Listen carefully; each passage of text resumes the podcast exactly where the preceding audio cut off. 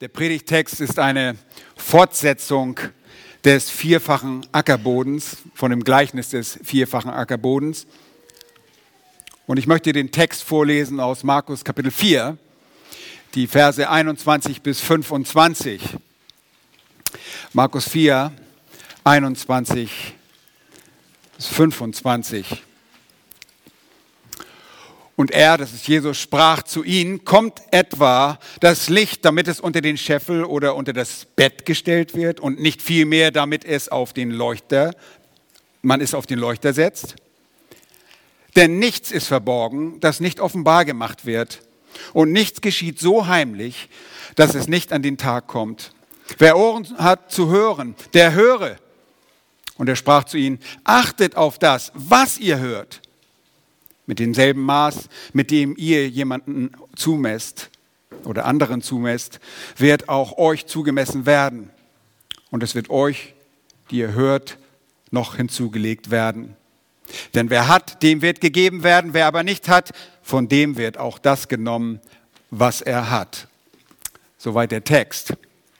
Die Worte, die ich euch jetzt gerade vorgelesen habe, gehören zu dem Gleichnis, des vierfachen Ackerbodens, dieser vierfachen Ackerböden. Deshalb hat der Heilige Geist diesen Text direkt in Folge, in Anschluss an dieses Gleichnis gesetzt. Jesus spricht sie nur zu den Jüngern und den Zwölfen, die um ihn waren.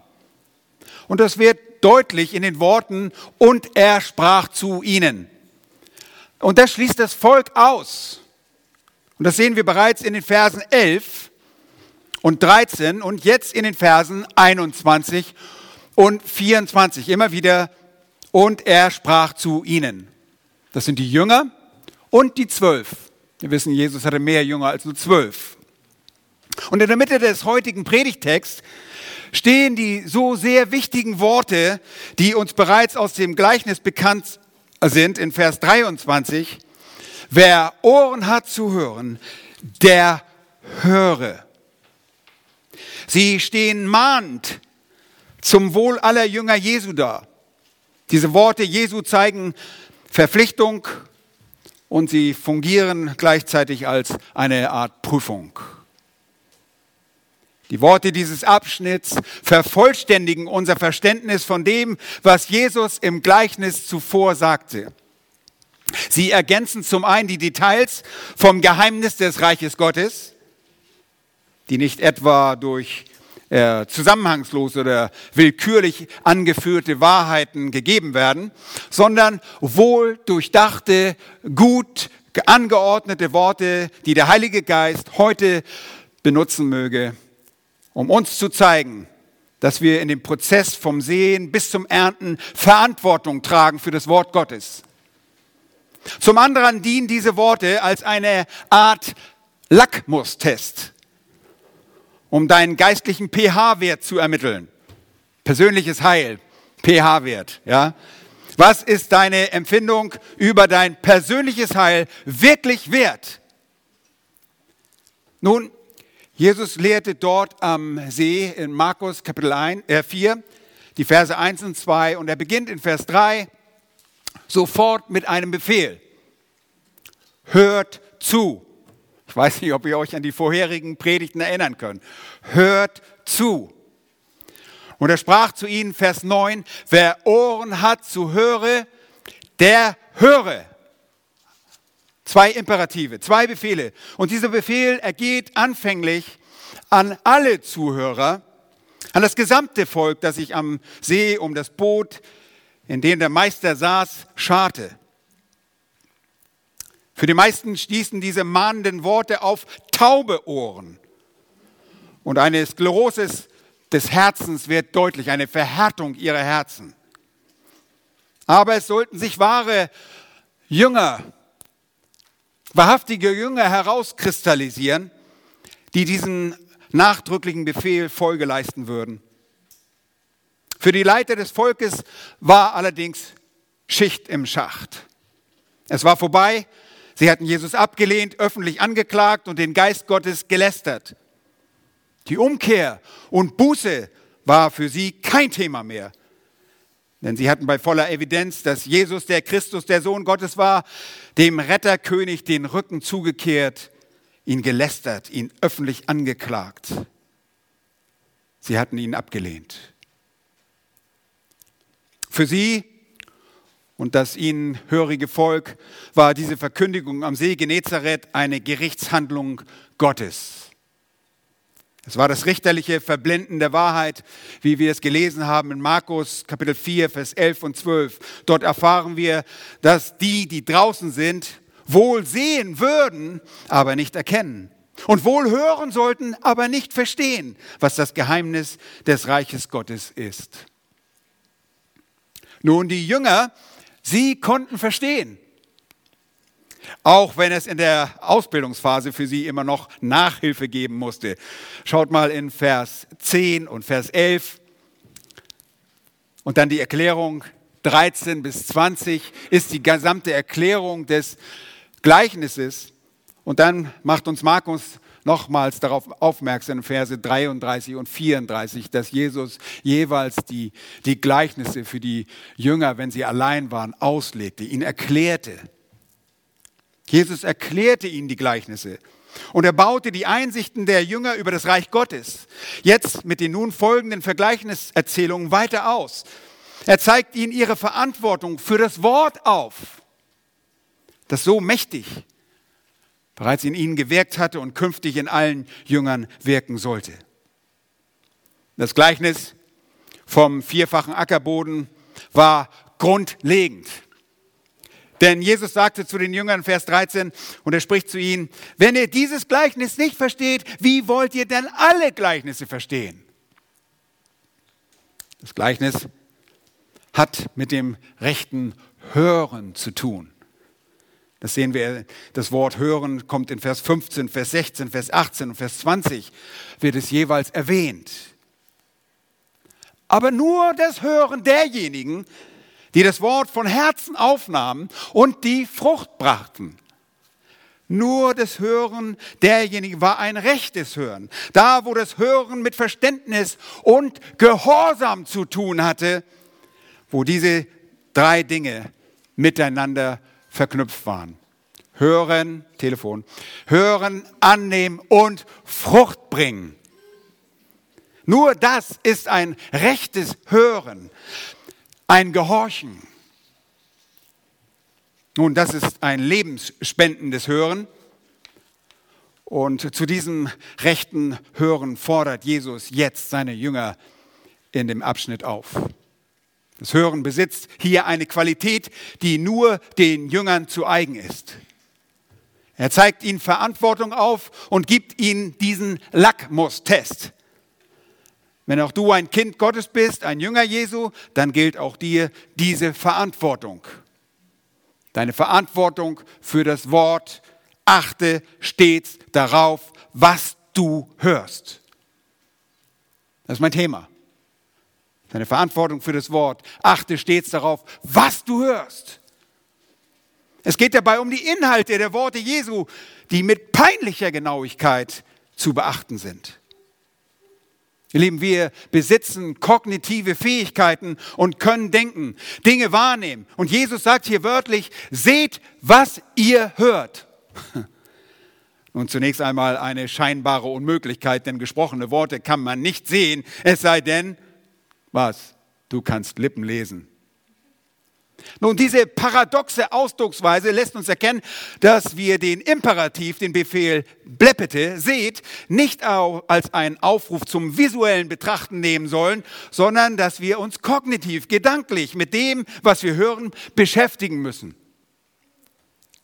Es ist gewissermaßen ein Aufruf zu einem vorsichtigen, zu einem nachdenklichen, zu einem meditativen Hören. Das ist ein Hören, das uns in Verantwortung nimmt und zeigt dem Jünger, auf, ob er sich mit willigem Gehorsam gegenüber dem Was, was gesagt, dem, was gesagt wird, wirklich ergibt. Es geht dabei um die Inhalte, die ausgesprochen wurden und die wir im Wort Gottes jetzt mit aller Vorsicht betrachten. Es ist so wichtig. Lukas macht deutlich in der Parallelstelle, dass Jesus auch lehrte, wie man hören sollte. Und das sehen wir wirklich dort in Lukas 18, Vers 18. Jesus lehrte beides. Während Markus den Inhalt der Worte betont, betont Lukas die Art und Weise des Hörens. Im Endeffekt kommt dasselbe dabei raus. Glaubt man nicht, dass Jesus nach diesen paar Versen aufgehört hat zu lehren. Er saß dort sicherlich eine lange Zeit in diesem Boot und hat beide Dinge gelehrt. Im Endeffekt kommt dasselbe dabei raus. Wenn du vorsichtig und gehorsam hörst, dann achtest du ebenso auf die Inhalte. Lass dich heute Nachmittag als Jünger Jesu herausfordern, deine Verantwortung für das Wort zu erkennen, indem du stets darauf achtest, was du hörst. Deine Verantwortung für das Wort, achte darauf, was du hörst. Nun, du fragst dich, wo wir diese Dinge im Text erkennen. Und ich sage euch, was hier steht in Vers 21. Achte darauf, dass du das Wort weitergibst. Zweitens, achte darauf, dass das Wort nicht Geheimbotschaft sein soll. Drittens, achte darauf, dass bei der Wiedergabe des Wortes das Gesetz vom Sehen und Ernten gilt. Nun, du fragst dich, wo wir diese Dinge im Text erkennen. Dann folge mir jetzt im Einzelnen. Erstens, achte darauf, dass du das Wort weitergibst. In Vers 21 lesen wir, wie Jesus für die Jünger und die Zwölf allein durch eine Frage geschickt lehrt. Das ist nichts Ungewöhnliches. Juden tun das sehr häufig durch eine Frage. Wir machen das auch manchmal. Und er sprach zu ihnen, kommt etwa das Licht, damit es unter den Scheffel oder das Bett gestellt wird und nicht vielmehr, damit es auf den Leuchter äh, man es auf den Leuchter setzt. Und man kann es auch so übersetzen, holt man etwa das Licht nicht oder bringt man das Licht. Das ist durchaus eine mögliche Übersetzung. Es geht hier nicht um das Kommen einer Person, sondern es geht hier wirklich um das Wort. Die Verantwortung, das Wort weiterzugeben oder es zu verkündigen, wird für jeden, der sich zu dem vierten Ackerboden gehörend wähnt, hier sehr plastisch und eindrücklich dargelegt. Zum Ende der vorausgehenden Gleichniserklärung sehen wir die reichhaltige Frucht. Erinnert euch daran? 30-fältig, 60-fältig, 100-fältig, die aus dem guten Boden des menschlichen Herzens hervorgegangen ist. Und man könnte annehmen, dass dort nur gewisse Automatismen ablaufen. Dem ist nicht so sondern die Menschen dieser Kategorie von guten Boden tragen eine Verantwortung und die spricht hier Jesus an. Denkt nur einmal kurz über die biologischen Abläufe des Fruchtbringens nach. Nun, die Saat, die in den Boden dringt, beginnt zu keimen und Wurzeln beginnen sich zu entwickeln und der Keim entwickelt sich und äh, schießt nach oben, durchstößt die Erddecke und der Halm des Gewächses gedeiht und bildet eine Ehre mit Frucht, den Körner des Weizens, wie wir glauben, dass das hier der Fall war. Ein Teil der an der neu gewachsenen Ehre des Weizens befindlichen Körner dient dem Seemann wieder als Saatgut. Der Überfluss der Ernte dient zur Speise. Nur unter der Verwendung des Saatgutes kann fortlaufende Fruchtbarkeit gewährt werden. Der zum Glauben gekommene Mensch, der durch die Saat des Wortes Gottes Leben empfing, gebraucht wiederum die Saat, um sich zu nähren, nämlich vom Wort, und um diese Saat auszusehen, um geistliche Frucht zu gewinnen. Frucht wird nur durch die Saat den Samen des Wortes gewonnen. Das haben wir schon gesehen. Aber jetzt, in unserem Text, wechselt Jesus geschickt vom Samen zu einem weiteren Sprachbild, einer Trope, einer Metapher. Das Wort Gottes wird jetzt als eine Lampe dargestellt. Eine Lampe, die dazu eingesetzt wird, damit sie Licht in die Dunkelheit eines Raumes bringt. Wie selbstverständlich der Einsatz und Einsatzort und Zweck eine, einer lichtspendenden Lampe ist, das macht Jesus durch die rhetorische Frage deutlich.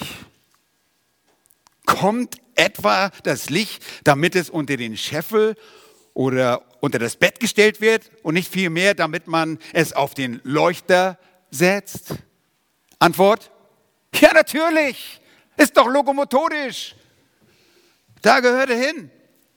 Nun, diese künstliche Lichtquelle, die in einen dunklen Raum gebraucht und gebracht wird, sagte, das könnte man gebracht auch übersetzen, ist dazu da, um die Dunkelheit zu überwinden.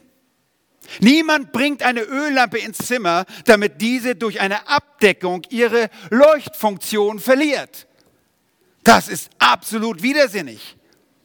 Und es ist eine generelle akzeptierte Wahrheit, dass die von Menschen geschaffenen künstlich-technischen Lichtquellen dazu sind, dass man sehen kann, nicht um sie zu verstecken.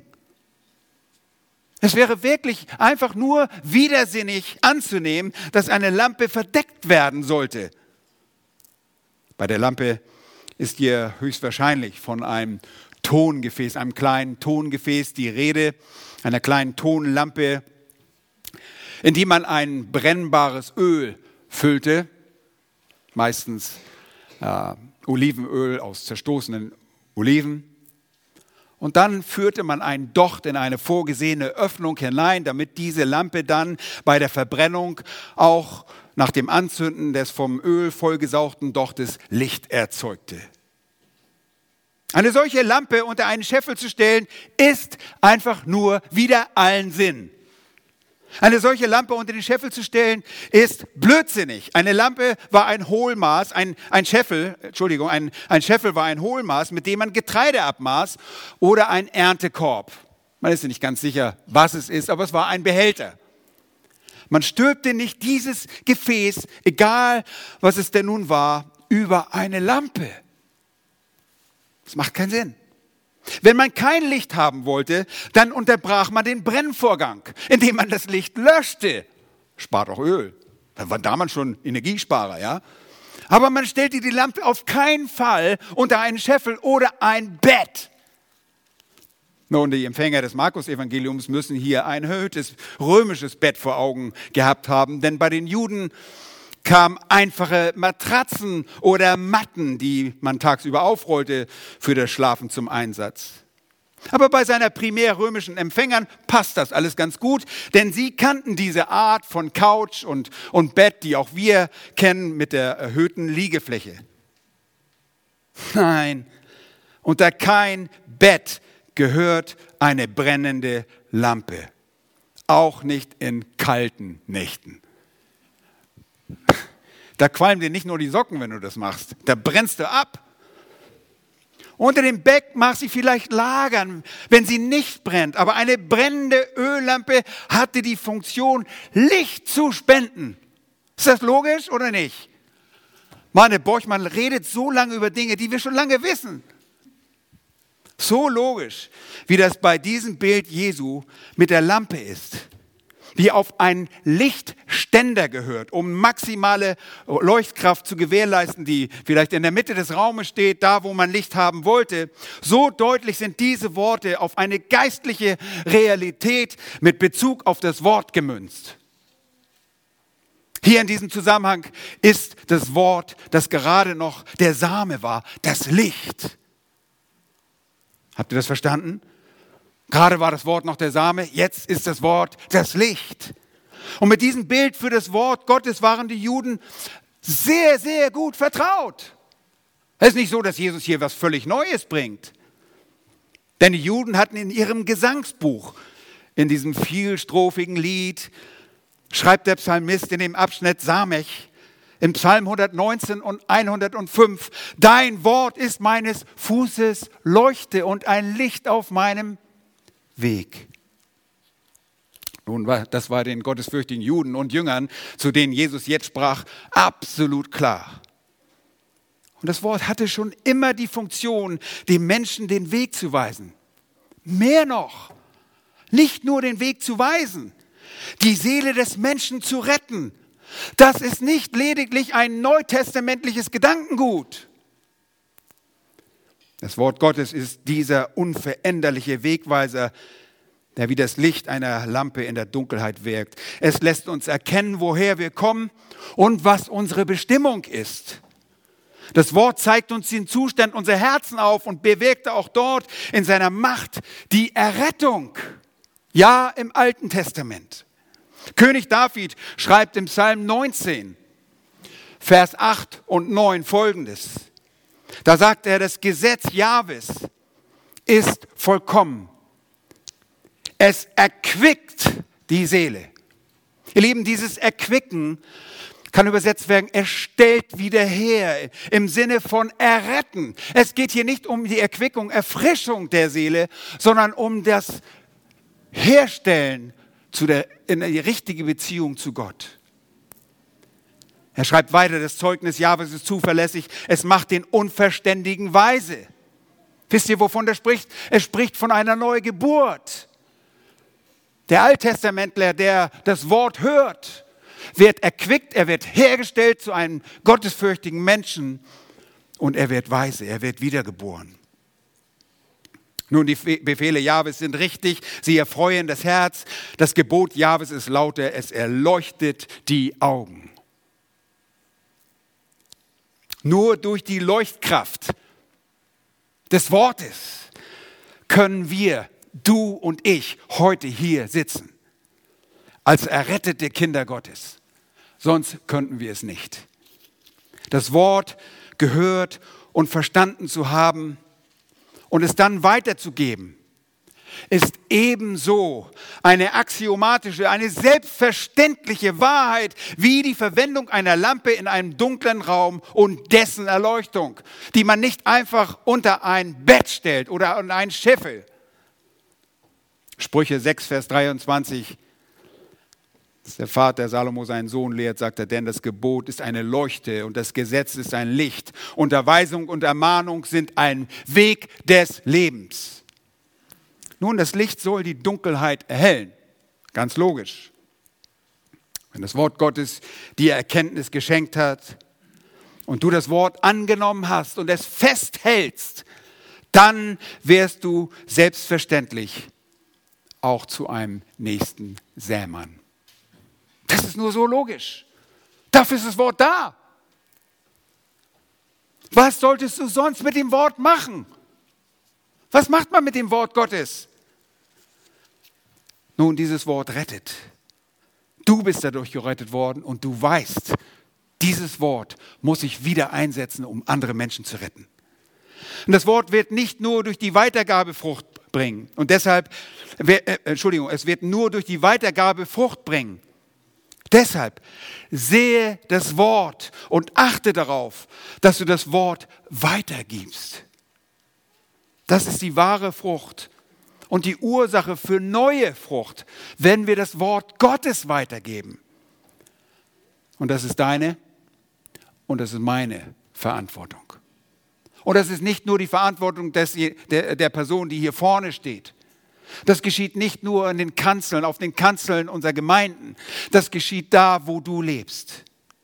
Petrus erinnert sich möglicherweise in Gedanken an diese Begebenheit mit Jesus, als er äh, 2. Petrus Kapitel 1, Vers 9 schreibt, und so halten wir nun fest an dem völlig gewissen prophetischen Wort, nämlich dem Alten Testament, und ihr tut gut daran, darauf zu achten, als auf ein Licht, das an einen dunklen Ort scheint, bis der Tag anbricht und der Morgenstern aufgeht in euren Herzen. Nun, ich habe Ausleger gesehen, die sagen, das ist Jesus Christus hier. Ja, das ist wohl wahr, aber in diesem Zusammenhang ist das Licht das Wort. Und Jesus ist so eng mit diesem Wort verbunden, dass sein Name sogar das Wort Gottes ist. Er ist das fleischgewordene Wort. Aber wie leuchtet Jesus heute unter uns? Wir gehen nicht raus und gucken nach einem Mann, der mit einem Bademantel herumläuft und gucken, ob er einen roten Kopf hat und dass er leuchtet. Sondern er leuchtet durch sein Wort. Sein Wort ist die Leuchtkraft. Ja, das Wort ist in diesem Zusammenhang ganz klar das Licht. Anderwo in der Schrift ist wirklich der Herr das Licht. Nicht nur der Herr, er sagt, solange ich in dieser Welt bin, bin ich das Licht. Dann, wenn er weg ist, wer ist dann das Licht? Sind wir das Licht. Aber hier ist das Wort Gottes gemeint. Wir sind nur Licht, indem wir das Wort in uns aufnehmen, das Wort benutzen, um es weiterzugeben. Nun sicherlich, das Wort findet in uns Anwendung. Wir durch einen veränderten Lebensstil, und der spricht auch davon, zeigt auch Licht. Aber wir brauchen das Wort. Hier ist es das Wort, das Licht. Und dafür besitzen wir eine eingebaute, intrinsische, immanente, selbstverständliche Verantwortung für dieses Wort. Diese Verantwortung ist durch das Wort gegeben. Ihr Lieben, das ist deine und es ist meine Verantwortung. Achte stets darauf, was du hörst. Wovon? Von dem Wort Gottes. Achte darauf. Vorsichtig. Es nützt nichts, wenn der Prediger vorsichtig predigt, wenn seine, die Zuhörer nicht vorsichtig hören. Diese Dinge sind so grundsätzlich, dass sie wie das Gleichnis von den vierfachen Ackerböden am Anfang von allem steht. Alle anderen Dinge und Verantwortung ergeben sich nur daraus. Achte darauf, dass du das Wort weitergibst. Zweitens, achte darauf, dass das Wort nicht Geheimbotschaft sein soll. Achte darauf, dass das Wort nicht Geheimbotschaft sein soll. Es geht weiter. Denn nichts ist verborgen, das nicht offenbar gemacht wird und nichts geschieht so heimlich, dass es nicht an den Tag kommt, sagt die Schlacht der 2000. Mir gefällt die Übersetzung nicht so sehr gut und greife auf die revidierte Elberfelder von 1993 zurück. Und da heißt es folgendes. Denn es ist nichts verborgen, das nicht offenbar gemacht werden soll. Auch nichts Geheimes, das nicht ans Licht kommen soll. Jesus setzt den Vers 22 mit einer logischen Schlussfolgerung fort. Wenn es selbstverständlich ist, dass wir das Wort Gottes weitergeben sollen, damit es auch andere Menschen zum Leben erweckt, ihr Leben erhält, dann kann der Sinn nur darin liegen, dass die nun anvertrauten Wahrheiten, die Geheimnisse des Reiches Gottes auch anderen anvertraut werden sollen. In der ersten Hälfte von Vers 11 lesen wir doch noch gerade, euch ist es gegeben, das Geheimnis des Reiches Gottes zu erkennen. Und die Jünger sollen nicht meinen, dass diese exklusive Wahrheit oder dieses, äh, diese Weitergabe der Wahrheit nur für einen exklusiven Kreis von Menschen ist. Diese Wahrheit vom Reich Gottes, dass sie dauerhaft verborgen bleiben soll. Das sollten sie niemals denken. Jesus macht darauf aufmerksam dass das, was zu diesem Zeitpunkt in Galiläa noch anderen Menschen verborgen war, später ans Licht kommen sollte. Nun, die Jünger sind in der Vorbereitung für den Dienst an Christi Stadt. Sie sind im Training und sie sind noch nicht voll zugerüstet. Und ihre erste Mission werden wir sehen in Kapitel 6 ab Vers 7. Eine Art Praktikum, in der sie ausgesandt werden, aber sie sind noch nicht vollkommen zugerüstet. Sie sind Lehrlinge. Sie sind nur Lehrlinge. Die ihnen geoffenbarten Wahrheiten des Evangeliums, die sie bisher nicht ganz einordnen konnten, sollten ihnen nach und nach immer deutlicher werden. Erst mit ihrer Sendung kurz vor Jesu Rückkehr in die Herrlichkeit standen sie sicher genug auf den Beinen, mit der Wahrheit ausgerüstet, bereit für die Verkündigung des Evangeliums, das auch zu den Heiden hinausgetragen wird. Aber selbst nach der Himmelfahrt Jesu lesen wir noch davon, wie sich Jesus bis zum Schluss des schriftlichen Kanons mit dem Buch der Offenbarung zum Abschluss dieses Kanons sich ihnen noch offenbart. Bis zu diesem Zeitpunkt. Wir sehen den Apostel Johannes in der Offenbarung äh, Jesu am Ende des, der, der Heiligen Schrift. Die Schrift steht jetzt allen Menschen in vielen Sprachen der Welt zur Verfügung. Und das Wort an die Jünger Jesu ist keine Exklusivbotschaft für eingeweihte Juden. Nein, das Geheimnis des Reiches wird ihnen nur häppchenweise mitgeteilt und ihr Verständnis darüber sollte im Laufe ihrer Wanderschaft mit Jesus weiter wachsen. Später zeigt Paulus deutlich auf, dass die Offenbarung der Geheimnisse nicht im Verborgenen bleiben sollten. Auch ihm sollten die anvertrauten Geheimnisse offenbar gemacht werden. Er schreibt im Epheserbrief in Kapitel 3, Vers 2 und folgende. Ihr habt ja gewiss von der Haushalterschaft der Gnade Gottes gehört, die mir für euch gegeben worden ist, dass er mich das Geheimnis, das Geheimnis durch Offenbarung wissen ließ, wie ich kurz zuvor geschrieben habe, mit Bezug auf Kapitel 1, da ab Vers 9 erwähnt er das Geheimnis. Er sagt, daran könnt ihr erkennen, wenn ihr es lest, meine Einsicht in das Geheimnis des Christus dass in früheren Generationen, das ist nämlich ein Mysterion, ein Geheimnis, dass in früheren Generationen den Menschenkindern nicht bekannt gemacht wurde, wie es jetzt seinen heiligen Propheten, äh, Entschuldigung, heiligen Aposteln, wer sind das? Die zwölf Apostel, er selbst und den Propheten durch den Geist offenbart worden ist, dass nämlich die Heiden Miterben und mit zum Leib gehörige und Mitteilhaber seiner Verheißung sind in Christus durch das Evangelium, dessen Diener ich geworden bin, gemäß der Gabe der Gnade Gottes, die mir gegeben worden ist, nach der Wirkung seiner Kraft. Mir, dem Allergeringsten unter allen Heiligen, ist diese Gnade gegeben worden, unter den Heiden den unausforschlichen Reichtum des Christus zu verkündigen. Achtung, Schaut in Vers 9. Und alle darüber zu erleuchten. Hier haben wir wieder die Leuchtkraft.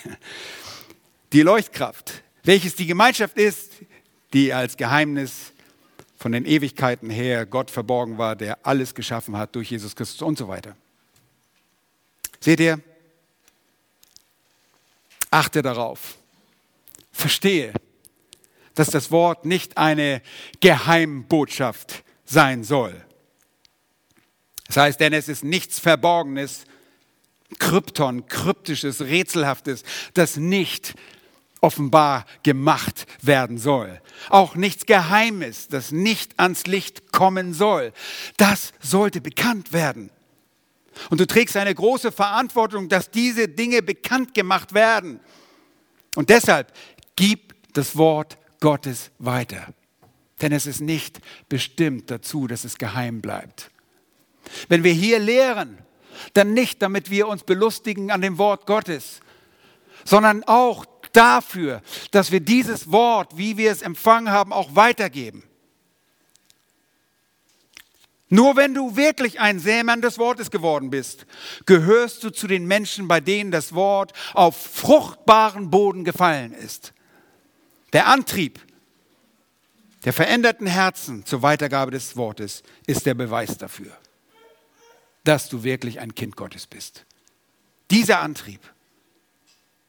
Nun, dieser Text zeigt dir wohl deine Verantwortung für das Wort Gottes auf, aber du betrachtest sie nicht als eine bedrückende, eine belastende, eine unangenehme, tyrannisierende, verachtete und leidige Pflicht, sondern sie stellt sich als etwas heraus, was du von Herzen aus gerne tust oder zu tun bereit bist. Und es ist so selbstverständlich wie der Gebrauch einer lichtspendenden Lampe zur Erhellung eines dunklen Raumes, dass wir dieses Wort gerne weitergeben, um anderen Menschen das Evangelium zu bringen. Nun bist du ein Verkündiger des, des Wortes Gottes?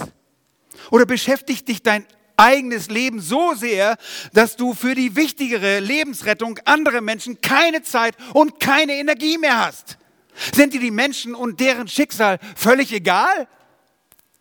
Und noch mehr, ist dir dein Gott egal, der dir dieses Wort anvertraut hat, als ein Haushalter über seine Geheimnisse, wie Paulus es sagt im 1. Korintherbrief Kapitel 4, Vers 1? Sind dir die Menschen und ihr Schicksal völlig egal? Dann läuft etwas sehr falsch in deinem Leben egal mit welchen Früchten du dich brüsten magst. Du bist verloren. Du bist auf dem Weg in die ewige Verdammnis, wenn du dieses Wort Gottes nicht weitergibst. Nun, lasst uns mal zu Jeremia Kapitel 12 gehen. Ich habe in unserem Hauskreis schon gesagt, dass Jeremia immer wieder erlebte, dass er das Wort Gottes predigte, aber sie hörten nicht, sie hörten nicht. Kapitel 11 ist so ein Beispiel in Kapitel 11 heißt es in Vers 2, heißt es, hört auf die Worte des Bundes Und sie hörten einfach nicht. Immer wieder sehen wir dann in äh, die, die Aufforderung zu hören, aber sie hörten nicht. Da heißt es in Vers 7, denn ich habe euren Vätern eindringlich bezeugt, von dem Tag an, als sie sie aus dem Land Ägypten herausführte, bis zu diesem Tag, in dem ich mich früh aufmachte und es immer wieder bezeugte und sprach, hört auf meine Stimme. Aber sie haben nicht darauf gehört. Sie haben mir kein Gehör geschenkt, sondern jeder von ihnen wandelte nach dem Starrsinn seines bösen Herzens. Darum brachte ich sie alle, brachte ich alle Worte dieses Bundes über sie. Und ihr kennt diese Worte aus dem fünften Buch Mose, die Worte des Bundes, den Fluch, der über den ungehorsamen Israeliten stehen sollte. In Kapitel 12, auf das ich eigentlich jetzt abzielen wollte, lesen wir, nachdem ein Mordanschlag gegen Jeremia verübt wurde, dass Gott, dass Jeremia mit Gott rechten möchte. Und er weiß, er wird nicht so gut abschneiden. Gott wird Recht behalten. Aber dort heißt es, schaut einmal genau hin. Jeremia 12, oh Jahwe, du bleibst im Recht, wenn ich mit dir rechte. Er wollte über Justizfragen diskutieren. Dennoch will ich über deine Rechtsentscheide mit dir reden. Warum ist der Weg der Gottlosen so erfolgreich und bleiben alle, die treulos handeln, unangefochten? Sagte schon, erinnert ein bisschen an Psalm 73. Du hast sie gepflanzt, sie schlagen auch Wurzeln, sie gedeihen und bringen sogar Frucht. Nanu, oh, sie bringen Frucht. Du bist zwar ihrem Mund nahe, aber fern ihrem Herzen, beziehungsweise deutsch das Wort ihre Nieren. Das ist der Sitz der Emotionen bei den Juden. Seht ihr, sie brachten Frucht. Nach außen hin sah alles toll aus. Man konnte es nicht erkennen. Und dann sagt er in Vers 3, schaut mal hin, doch du, o oh Jahwe, du kennst mich. Du durchschaust mich. Du prüfst, wie mein Herz zu dir steht. Erinnert ihr euch daran? Der fruchtbare Boden ist der Boden, wo die Hörer das Wort Gottes annehmen. Es geht durch das Ohr, die Durchschlagkraft des Wortes geht durch das Ohr in das Herz. Sie nahmen es auf. Und das bedeutete, sie verstanden es, sie hielten es fest. Das Herz wurde ihnen geöffnet und sie tun es von Herzen. Sie gehen wieder los, nehmen diese Saat und sie sehen als ein Seemann. Und das ist die Treue, die Frucht bewirkt. Nicht so bei diesen gottlosen Menschen.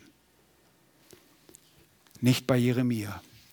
Und immer wieder lesen wir im Buch Jeremia, dass Jeremia predigte und predigte und predigte.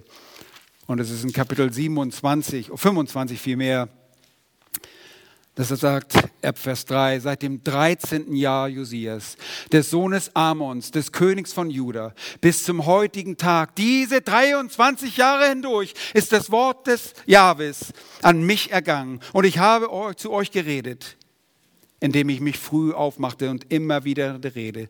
Aber ihr habt was nicht gehört. Dazu hat Jahwe alle seine Knechte, die Propheten, zu euch gesandt, indem er sich früh aufmachte und sie immer wieder sandte. Aber ihr wolltet nicht hören. Ihr wolltet nicht hören. Und ihr neigtet eure Ohren nicht, um auf sie zu hören.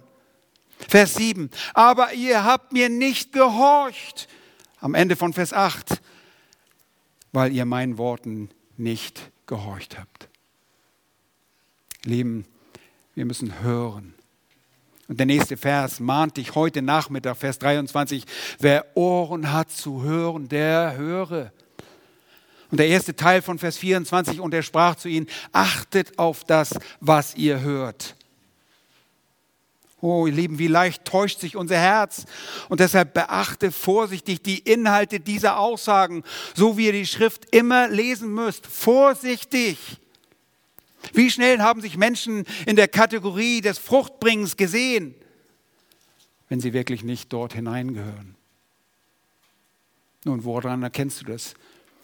Dass du wirklich ein wiedergeborener Mensch bist, indem du wirklich von Herzen und freudig das Wort Gottes weitergibst. Indem du begreifst, dass es nicht eine private Botschaft ist, nur für dich. Es ist keine Geheimbotschaft.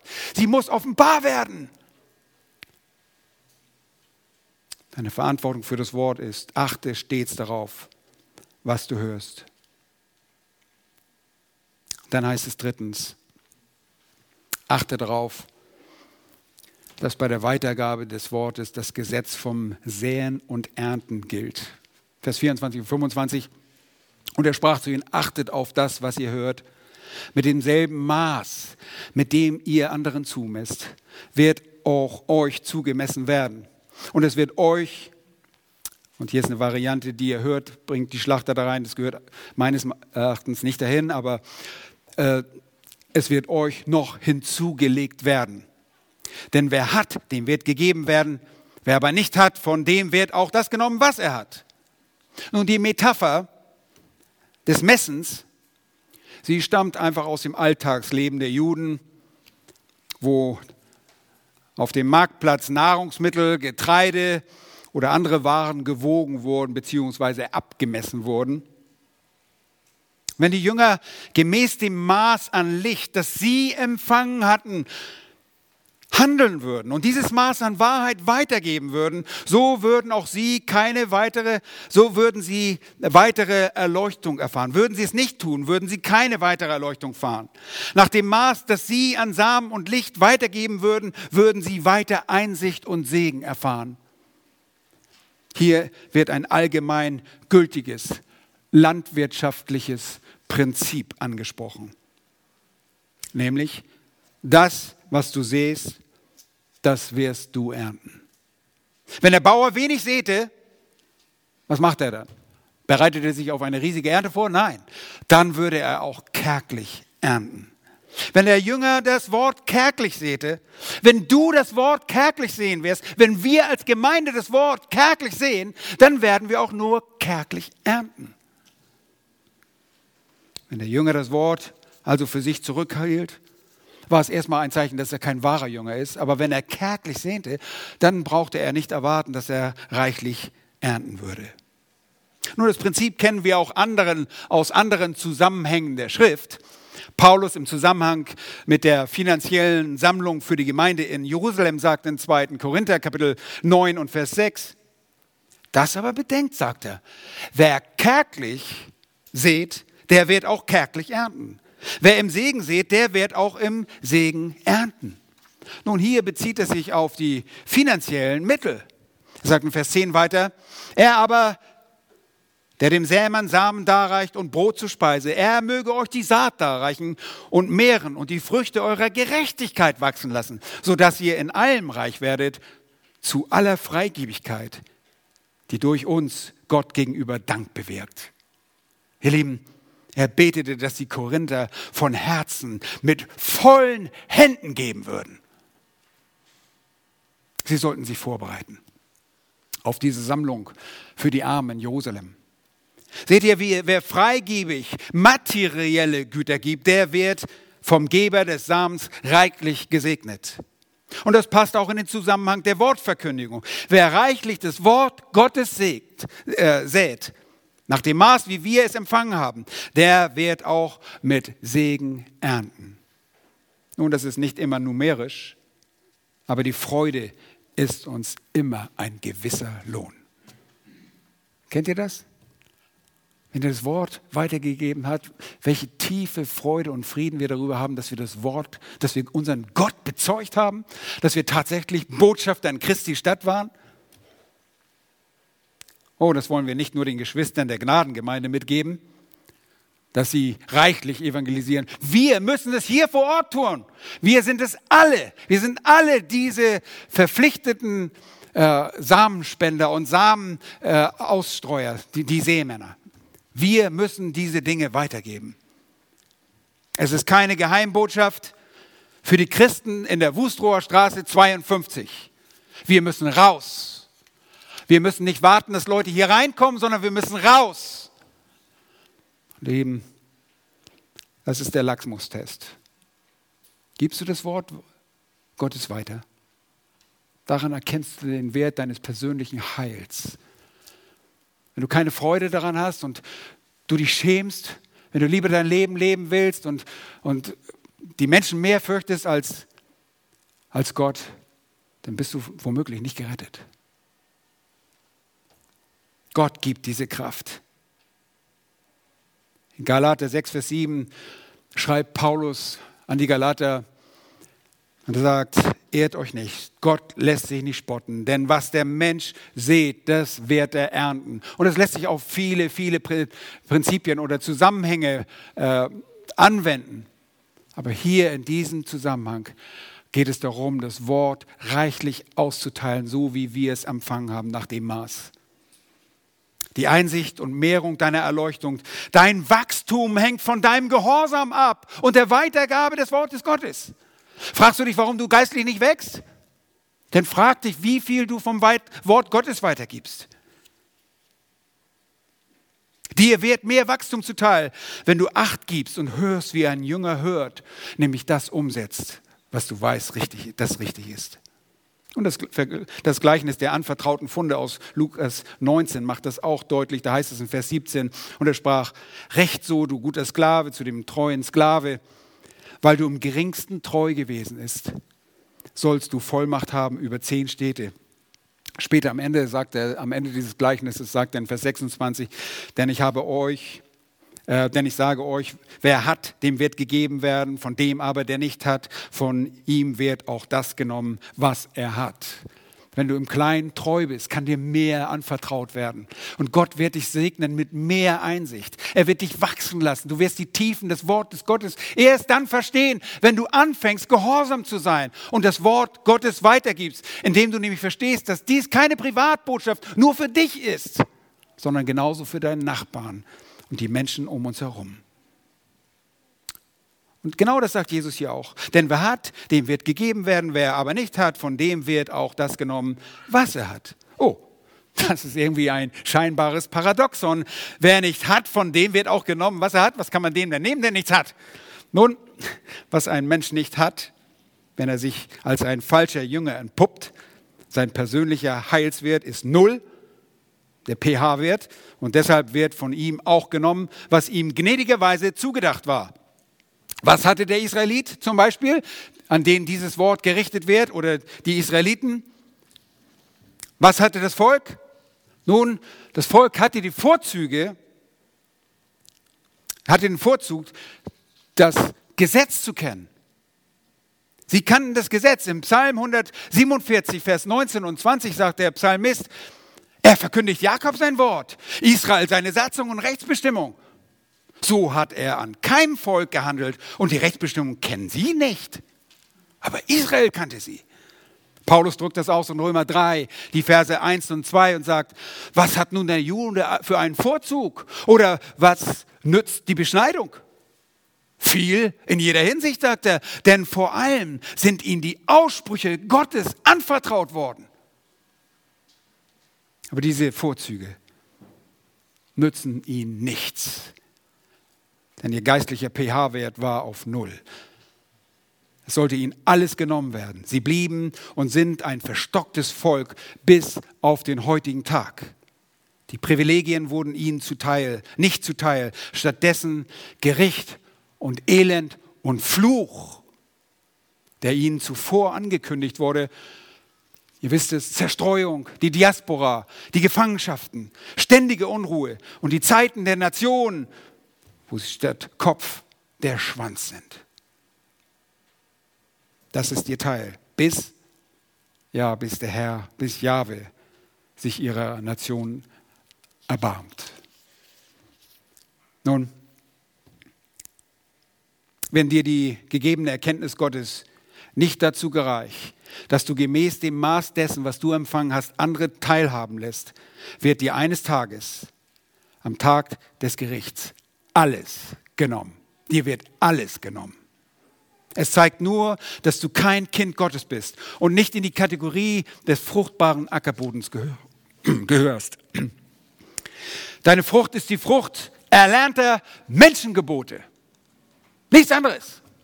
Wisst ihr das? Wir können in die Gemeinde laufen, wir können alles machen, was wir hier so lernen. Von Kind auf an gewöhnt man sich an bestimmte Dinge und es ist nichts anderes als erlernte Menschengebote. Und das sagt der Prophet Jesaja. Erinnert ihr euch in Jesaja, ähm, ich glaube, das ist Kapitel 7, äh, nee, 9, ich weiß es nicht mehr aus dem Kopf, aber ihr erinnert euch, äh, dass er sagt, Dieses Volk nähert sich mit, mit ihrem Munde, aber mit ihrem Herzen sind sie fern. Vergeblich verehren sie sich, mich, weil sie Lehren vortragen, die was sind? Die Menschengebote sind. Bist du ein wahrer Hörer des Wortes? Hast du das verstanden? Hast du das verstanden? Wenn du das verstanden hast, dann hör vorsichtig. Sieh, was du hörst, dann sei treu mit dem, was dir anvertraut ist. Paulus sagt im ersten Korintherbrief, so soll man uns betrachten als Diener des Christus und Haushalter der Geheimnisse Gottes. Und im Übrigen wird von einem Haushalter nur verlangt, dass er treu erfunden wird. Lieben, ich möchte euch einfach nur herausfordern. Mich hat dieser Text sehr herausgefordert, darüber nachzudenken. Wie viel teile ich mit anderen? Und das ist sehr schnell der Fall, dass wir als, als Hirten uns mit den Leuten in der Gemeinde beschäftigen. Das ging auch in Timotheus so. Paulus musste zu Timotheus sagen, im zweiten Timotheusbrief, Kapitel 4, tu das Werk eines Evangelisten. Verkündige das Wort. Wir müssen Menschen retten, das ist unsere Berufung. Wir haben einen Rettergott. Was tut ein Rettergott? Er rettet Menschen und er gebraucht uns dazu. Wie sollen sie hören, wenn sie keine Verkündiger haben? Lasst uns diese Verkündiger sein. Lasst uns treu sein. Lasst uns die Verantwortung des Wort Gottes, das Wort Gottes, für das Wort Gottes übernehmen und aufpassen, was wir hören. Lasst uns beten.